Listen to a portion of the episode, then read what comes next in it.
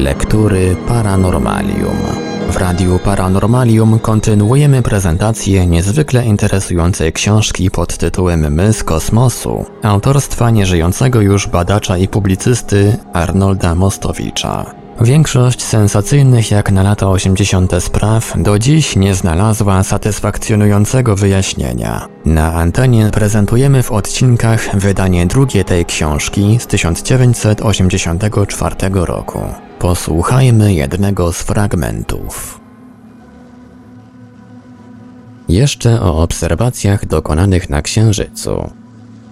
Nie należy się dziwić, że informacje nieoficjalne z poszczególnych lotów statków Apollo wywołały, gdy książka ta ujrzała światło dzienne, wiele komentarzy i sceptycznych uwag. Uwagi te docierały do mnie bądź w listach, jakie otrzymywałem, bądź podczas licznych spotkań, jakie z czytelnikami w ciągu kilku lat odbyłem. Informacje dotyczące owych nieznanych szczegółów z lądowania poszczególnych załóg na Księżycu zaczerpnąłem z książek, których tytuły i autorów wielokrotnie wymieniałem. W poprzednim rozdziałiku poinformowałem czytelników, kim jest Maurice Chatelain. Otóż autor ten ogłosił w 1979 roku drugą swoją książkę pod tytułem Le Temple Space, czyli Czas i Przestrzeń. Pierwszy rozdział tej książki nosi tytuł Nasi kuzyni z kosmosu i jest jeszcze bardziej szczegółowym potwierdzeniem rewelacji, są to bowiem niewątpliwie rewelacje, jakie znalazły się w pierwszej książce tego wybitnego współpracownika NASA. We wstępie do wspomnianego rozdziału pisze autor. Teraz, kiedy już 5 lat upłynęło od powrotu ostatniej misji księżycowej Apollo, 19 grudnia 1972 roku, zaczynamy wreszcie poznawać prawdę o tym, co w rzeczywistości wydarzyło się podczas tych sześciu wypraw badawczych i trzech podróży orbitalnych, które je poprzedziły.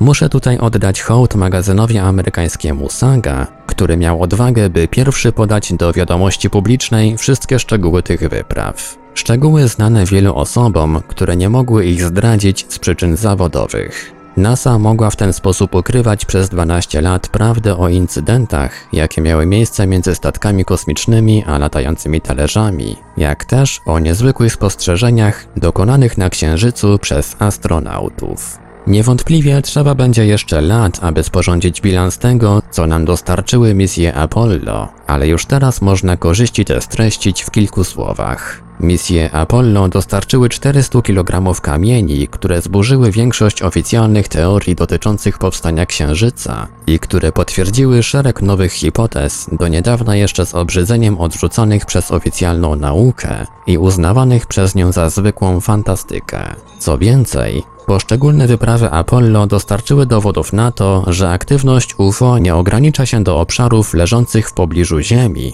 lecz że można równie dobrze spotkać je między Ziemią a Księżycem, nawet w jego bliskości. Statki Apollo wreszcie przekazały nam informacje o tym, że na Księżycu istnieją struktury geometryczne, które nie mogą być pochodzenia naturalnego i które mogą być tylko albo pochodzenia ziemskiego, albo pozaziemskiego. Trudno więc uznać, że misje Apollo niczego nas nie nauczyły i do niczego nie służyły. Dokonując tego bilansu, zacznę od talerzy latających, którymi interesują się wszyscy, podczas gdy odkrycia ściśle naukowe skierowane są do wąskiego grona fachowców. Od samego początku byłem członkiem ekipy, która zaprojektowała i zrealizowała statek typu Apollo. Mogłem więc śledzić wszystkie jej perypetie. Miałem dostęp do wszystkich informacji dotyczących incydentów z latającymi talerzami, ale nie mogłem o tym dotychczas pisać bez ryzyka poważnych nieprzyjemności. Teraz, kiedy wiele magazynów amerykańskich o sprawach tych pisało, sytuacja wygląda inaczej i mogę wreszcie ujawnić to, co wiem. Tym bardziej, że nie pracuję dla NASA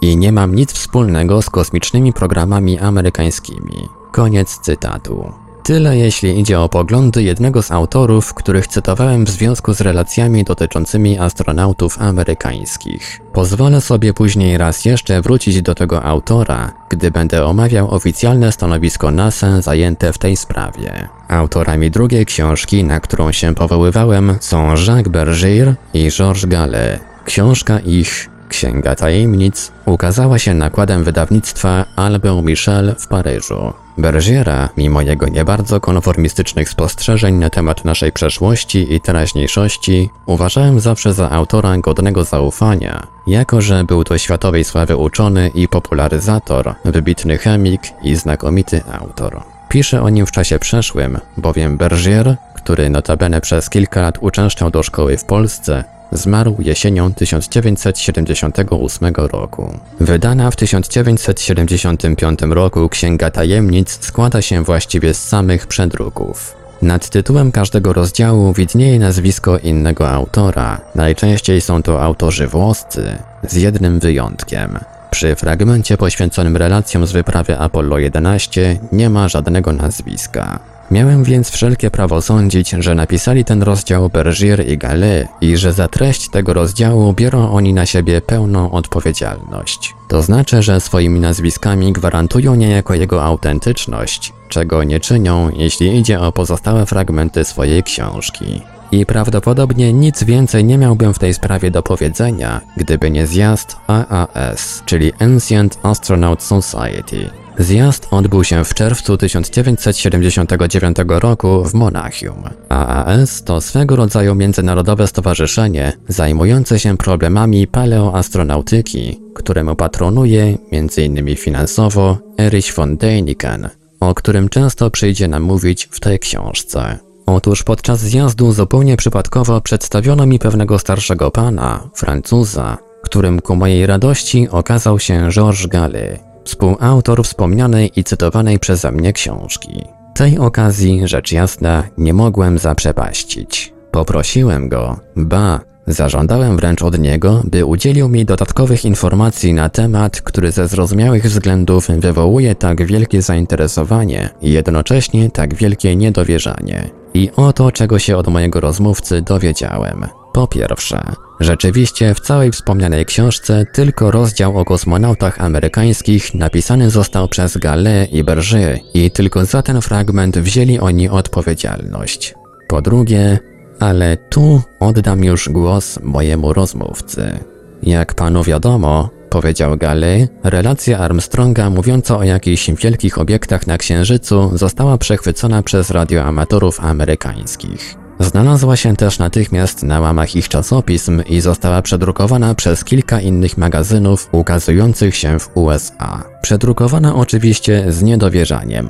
Kiedy Bergier przeczytał tę informację, postanowił natychmiast włączyć ją do naszej książki, którą właśnie przygotowywaliśmy. Po zastanowieniu się jednak postanowiliśmy rzecz całą zbadać na miejscu, to jest w NASA. Znaleźliśmy się tam w kilka miesięcy po locie Apollo 11. W NASA dotarliśmy do specjalistów i do uczonych dobrze zorientowanych, którzy w pełni potwierdzili treść relacji Armstronga w wersji, jaką przechwycili krótkofalowcy amerykańscy. Dowiedzieliśmy się zresztą przy okazji o innych jeszcze szczegółach, ale proszono nas, abyśmy o nich nie pisali, jak też zobowiązano nas do niepodawania nazwisk pracowników NASA, którzy nam tych informacji udzielili. Rozumie pan teraz, dlaczego za ten jeden jedyny rozdział naszej książki wzięliśmy z Bergier pełną odpowiedzialność. Zakończył Gale swoją relację.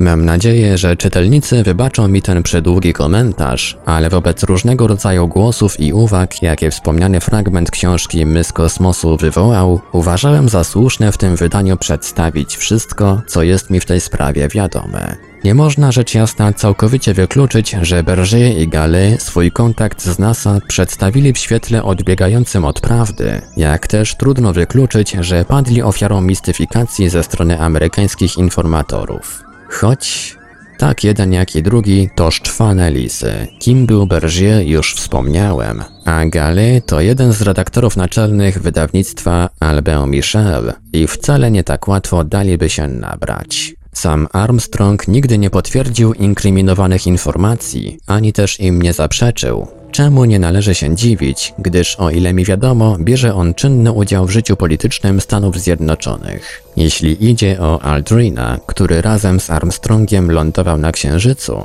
to ten zaprzecza jedynie jakoby istniała jakaś zmowa rządów przeciwko prawdzie o UFO. Ale również Aldrin nie wypowiadał się nigdy na temat owych nieoficjalnych informacji z pierwszego lądowania na Księżycu.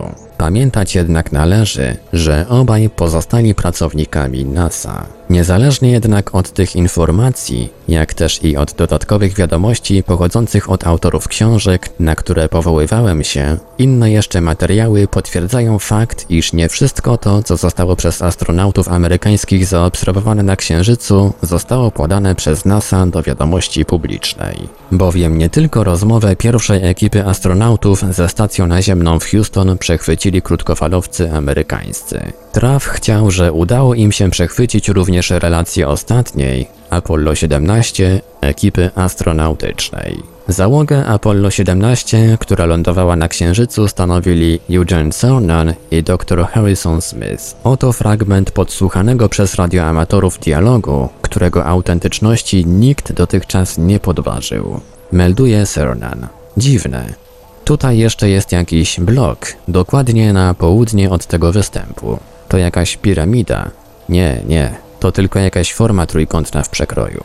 Hej, teraz stoję na śladzie pozostawionym w żwirze przez jakiś blok. Co teraz powiesz? Co to za przedmioty, które nad nami przelatują? Co to jest, Jack? Słuchaj, coś mam uszkodzone.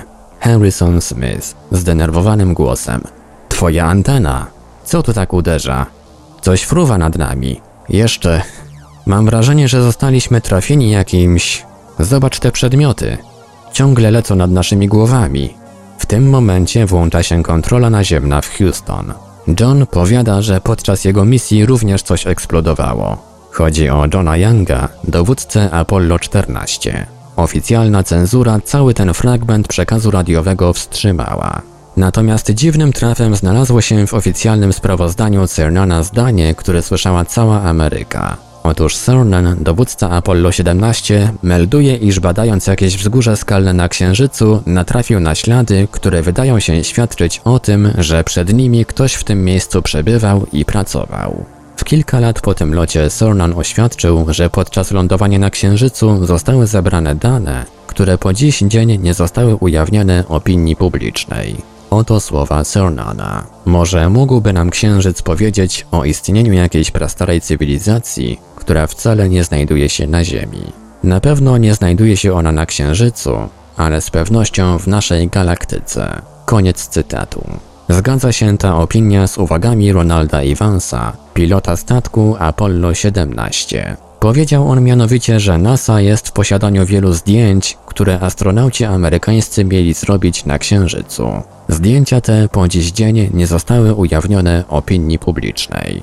Niech mi wolno będzie ten fragment zakończyć jeszcze jedną opinią osoby, której kompetencje trudno podważyć, jak też trudno podważyć prawdomówność gazety, która opinię tę zamieściła. Oto co powiedział Charles Conrad, dowódca statku Apollo 12, w wywiadzie udzielonym dziennikowi rumuńskiemu Sinteja. Na ogół powierzchnia Księżyca robi ponure wrażenie, ale miejscami powierzchnia ta wygląda jak gdyby została przeorana. W dwóch na trzy tego rodzaju miejscach zauważyliśmy odciski, które mogły oznaczać ślady stóp. Sfotografowaliśmy wszystkie te ślady i nasi uczeni teraz je badają. Koniec cytatu. Oczywiście po dziś dzień nikt tych zdjęć oficjalnie nie skomentował i daremnie szukać ich we wszystkich albumach, w których zebrano fotografie dokonane podczas lotów na Księżyc. Cóż do tego dodać?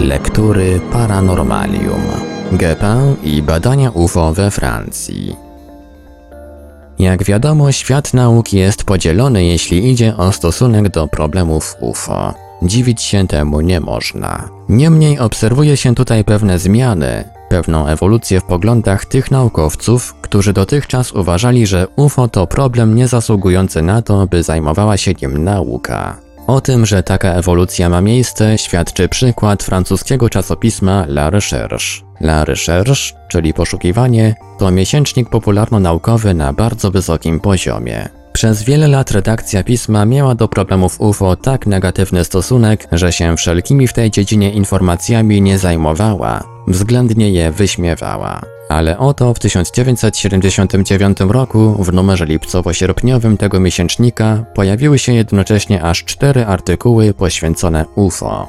Artykuły te poprzedzone były wstępem redakcyjnym, w którym można było przeczytać, co następuje. Jeśli La Recherche otwiera dzisiaj akta niezidentyfikowanych obiektów latających, to dlatego, że jest już obecnie rzeczą niemożliwą, by ludzie nauki zarzucili wstydliwą zasłonę na obserwacje dotyczące UFO. Żyjemy w epoce, w której kompetentni uczeni stawiają sobie pytania dotyczące cywilizacji pozaziemskich i mają do swojej dyspozycji środki i poważne kredyty, dzięki którym technologie kosmiczne coraz bardziej oddalają od nas granice wszechświata dostępne dla człowieka. Koniec cytatu.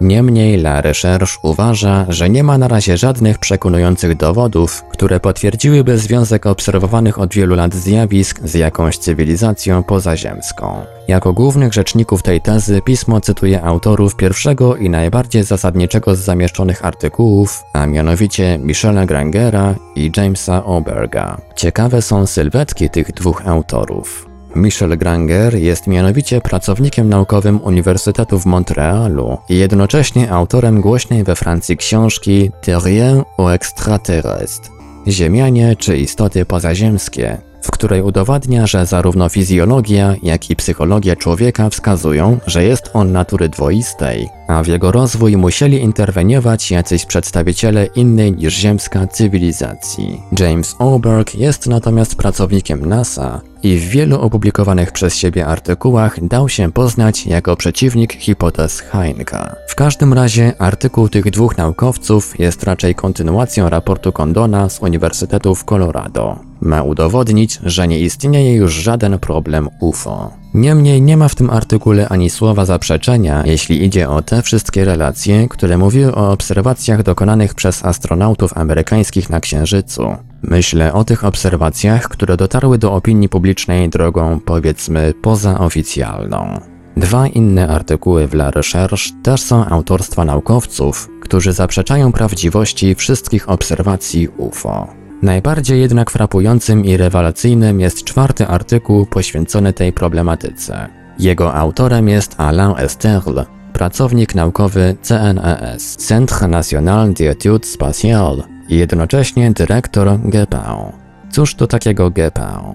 GPAO to skrót nazwy instytucji powołanej do badania zjawisk związanych z niezidentyfikowanymi obiektami latającymi, po francusku OVNI. GPAO jest instytucją państwową powstałą 1 maja 1977 roku, powołaną do życia przez CNES z inicjatywy uczonych, rządu i kół wojskowych. Uznali oni, że nie można przejść do porządku dziennego nad stałymi i rzeczowymi relacjami dotyczącymi UFO. Prace GPAO przewidziane są na wiele lat. Zatrudnia ta instytucja na stałe dwóch naukowców, specjalistów z dziedziny astronomii i astronautyki. Ośmiu innych stale z nią współpracuje. Ponadto powołane zostało przez CNES grono składające się z szeregu wybitnych uczonych, którzy mają za zadanie dwa razy do roku oceniać pracę GPO i których nazwiska, to ciekawe, utrzymywane są w tajemnicy, jak też w tajemnicy utrzymywane są na razie wyniki badań GPO. Nie od rzeczy będzie tu poinformować, jak pracuje ta instytucja.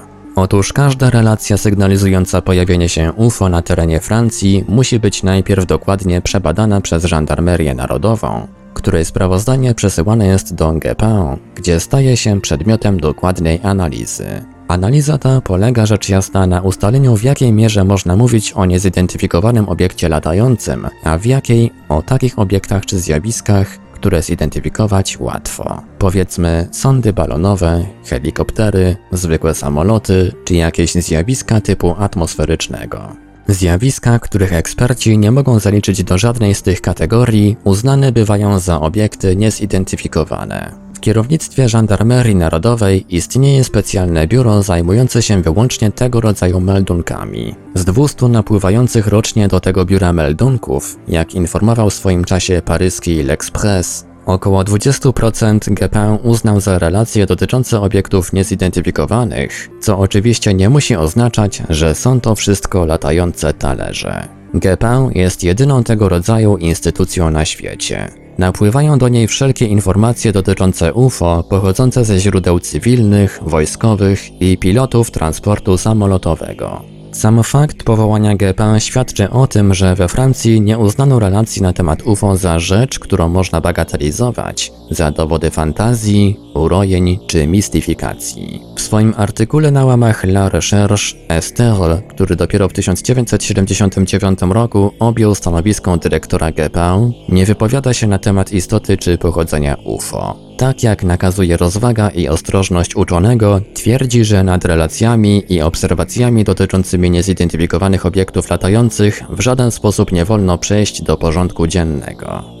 Nie można uznać, że takich zjawisk nie ma, że nie powinna się nimi zajmować nauka, Względnie, że porównać je można ze zjawiskami socjopsychicznymi leżącymi w sferze mitologii, wierzeń czy fantastyki. Oprócz wspomnianych artykułów, La Recherche zamieszcza jeszcze pewne materiały, które warto tu zacytować chociażby ze względu na źródło, jakim jest naukowe czasopismo francuskie. Otóż w numerze tym znajdują się opinie samych astronautów amerykańskich dotyczące UFO. Przypomnijmy, że większość to po dziś dzień pracownicy NASA, także ich wypowiedzi nie mogą dotyczyć faktów przez nich sprawdzonych czy doświadczeń. Byłoby to zdradą tajemnicy, ale jedynie ich wewnętrznego przekonania, które zresztą z kolei może być oparte na autentycznych przeżyciach. Oto co twierdzą astronauci. Mitchell.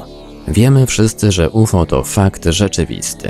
Cooper. Sądzę, że UFO znajduje się pod kontrolą jakiejś pozaziemskiej inteligencji i że jej przedstawiciele odwiedzali naszą planetę przed tysiącami lat. Cernan. Sądzę, że UFO są do nas wysyłane przez przedstawicieli innej cywilizacji. Natomiast Glenn, Grissom, Young czy Aldrin twierdzą, że nigdy nie zetknęli się z UFO.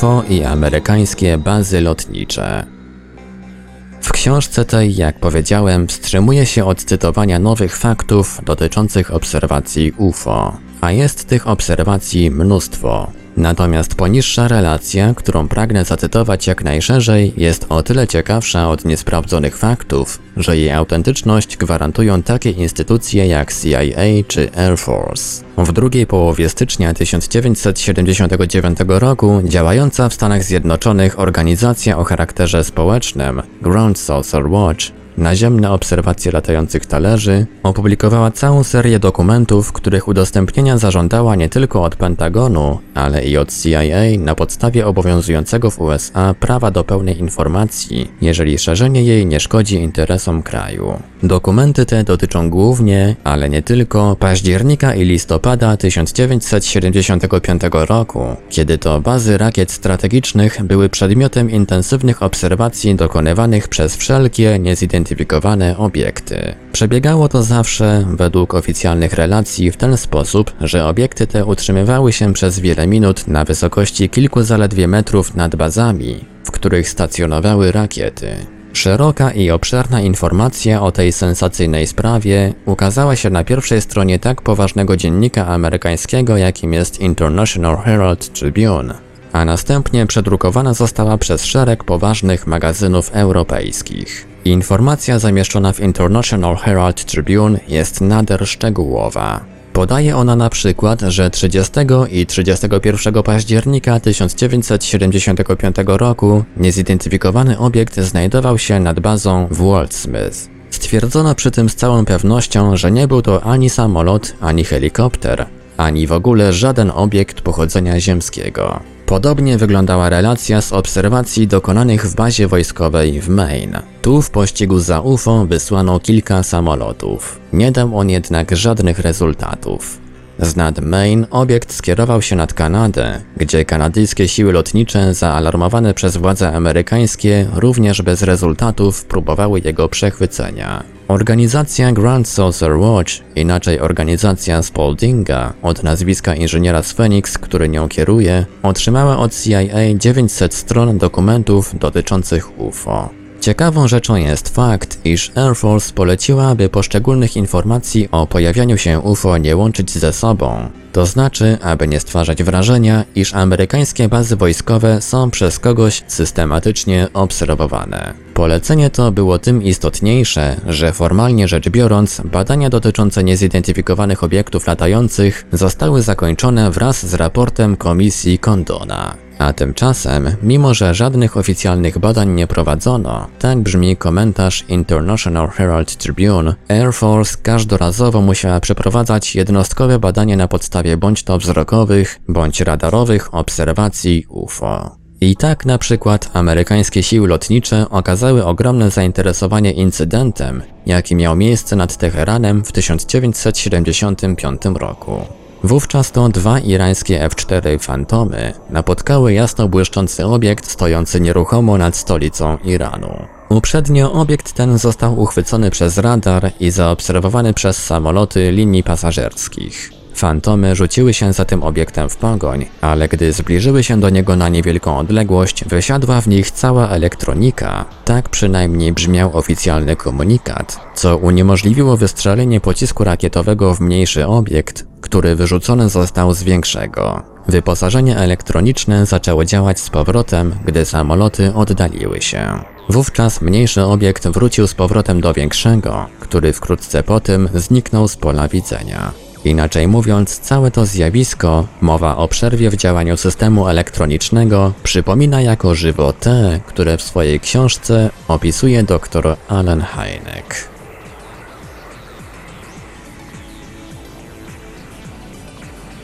Czy można nad wszystkimi tymi rewelacjami przejść do porządku dziennego? Czy można, jak to usiłują uczynić niektórzy uczeni, zachować się tak, jak gdyby problem niezidentyfikowanych obiektów latających w ogóle nie istniał? 17 sierpnia 1979 roku w jednym z najpoważniejszych pism europejskich, paryskim Le Monde, ukazał się artykuł pod nader znamiennym tytułem Wielki strach intelektualistów przed latającymi talerzami. Artykuł ten został napisany przez Jean-François Gilles, doktora nauk ścisłych, współpracownika CNRS. Jest to coś w rodzaju francuskiej Akademii Nauk. Autor tego artykułu, dobrze zorientowany w sprawach UFO, pisze, że społeczność naukowa, choć zgadza się z tym, że życie rozumne mogło się rozwinąć nie tylko na naszej planecie, nie chce przystąpić do rozwiązywania tajemnicy, która puka do naszych drzwi. Natomiast z uporem zajmuje się poszukiwaniem dalekich cywilizacji galaktycznych za pomocą radioteleskopów. Przypominając wreszcie, że wśród osób, które widziały i obserwowały UFO, znajduje się m.in. Clyde Tom światowej sławy astronom, który odkrył planetę Pluton, autor kończy swój artykuł następującym stwierdzeniem. Najwyższy czas, by elita intelektualna ocknęła się nie tylko po to, by się nie znaleźć poza nawiasem zainteresowań społecznych, ale przede wszystkim po to, by wypełnić swój obowiązek, który polega na mówieniu prawdy, na tworzeniu i dawaniu przykładu, na podtrzymaniu niekiedy na duchu, ale nie za pomocą kłamstwa wynikającego z zaniedbania. Gdyby to wynikające z zaniedbania kłamstwo miało trwać jeszcze przez jakiś czas, przypominałoby ono bardzo zwykłe tchórzostwo.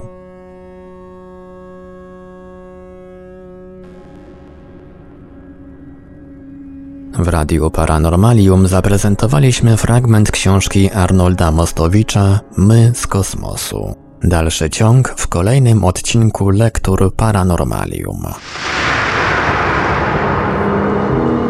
Archiwalne odcinki Lektur Paranormalium znajdziesz do pobrania w archiwum naszego radia na stronie www.paranormalium.pl.